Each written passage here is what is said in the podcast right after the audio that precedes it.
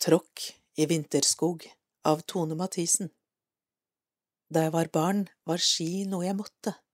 Jeg er blindfødt, med en liten lyssans, men jeg syntes ski var styrete. Jeg ble aldri komfortabel med å miste kontrollen så grundig. Det var knall og fall, og mange tårer. All ære til de voksne som stadig gjorde tapre forsøk på å gi meg gode opplevelser på ski. Dessverre var det nytteløst.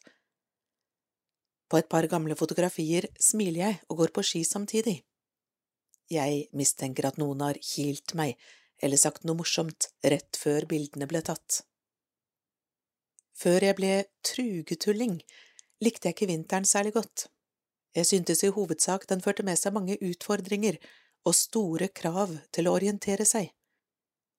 Holdepunktene mine forsvinner når alt enten blir dekket av snø, eller er snø, eller isflater.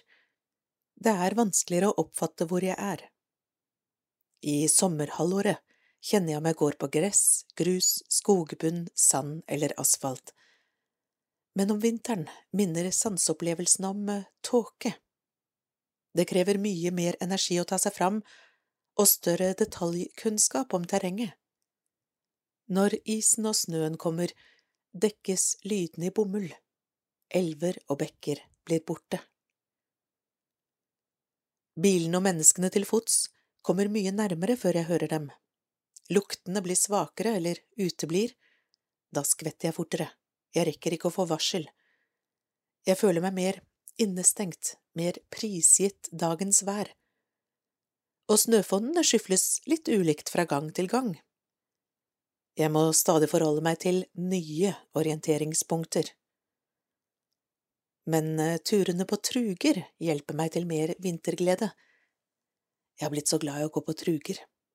Jeg har ikke noe mål om å skulle gå langt eller fort, jeg skal bare oppleve, sanse, være.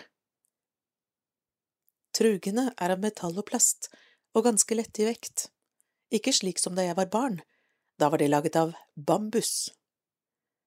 Bindingene er litt som gammeldagse kandahar-bindinger, jeg trenger veiledning for å kunne plassere foten. Du husker sikkert de der man tråkka inn i bindingen, litt slik jeg truger også. Du må få foten på rett plass, og få trugen til å sitte fast og stramme bak foten og over vristen. Truger krever ikke skisko, men du kan bruke det du har av utendørsskotøy. Selv foretrekker jeg litt høye støvler som går til litt over ankelen, det gir ekstra støtte og er bra for balansen. Jeg lener meg på stavene og løfter foten for å trå ned i bindingen på truge nummer én, får assistentens veiledning til å flytte foten slik at den kommer på rett plass. Sollyset reflekteres skarpt fra snøen opp i øynene mine. Jeg smiler og skyver solbrillene på plass, lener meg på stavene en gang til, kommer inn i truge nummer to. Jeg bøyer meg og justerer bindingene. Så sjekker jeg at jeg har fått med meg alt i ryggsekken, mat, drikke og et greit sitteunderlag. Kvikk-lunsjen ligger i lomma, så klart. Da er jeg klar for tur med assistent. Vi går innover i skogen. Fordelen med truger er at du ikke trenger løyper. Du kan lage dine egne spor. Du synker litt ned i den løse snøen, men det går bra. Ledsager går foran og synstolker når det er behov. Du kommer til en oppoverbakke. Nå vil du gå litt nedover. Sving til høyre, her er et tre. Du må dukke, dette treet har ei grein i hodehøyde. Mesteparten av turen kan jeg gå i egne tanker og følge lyden av ledsagers truger. Det holder som informasjon om retningen. Trugelydene overdøver ikke lyden av fuglene. Tempoet er selvvalgt. Jeg styrer skrittene og bevegelsene mine. Vi kommer fram til stedet vi vil raste, et hogstfelt, setter oss på hver vår stubbe med matpakker og koser oss i sola.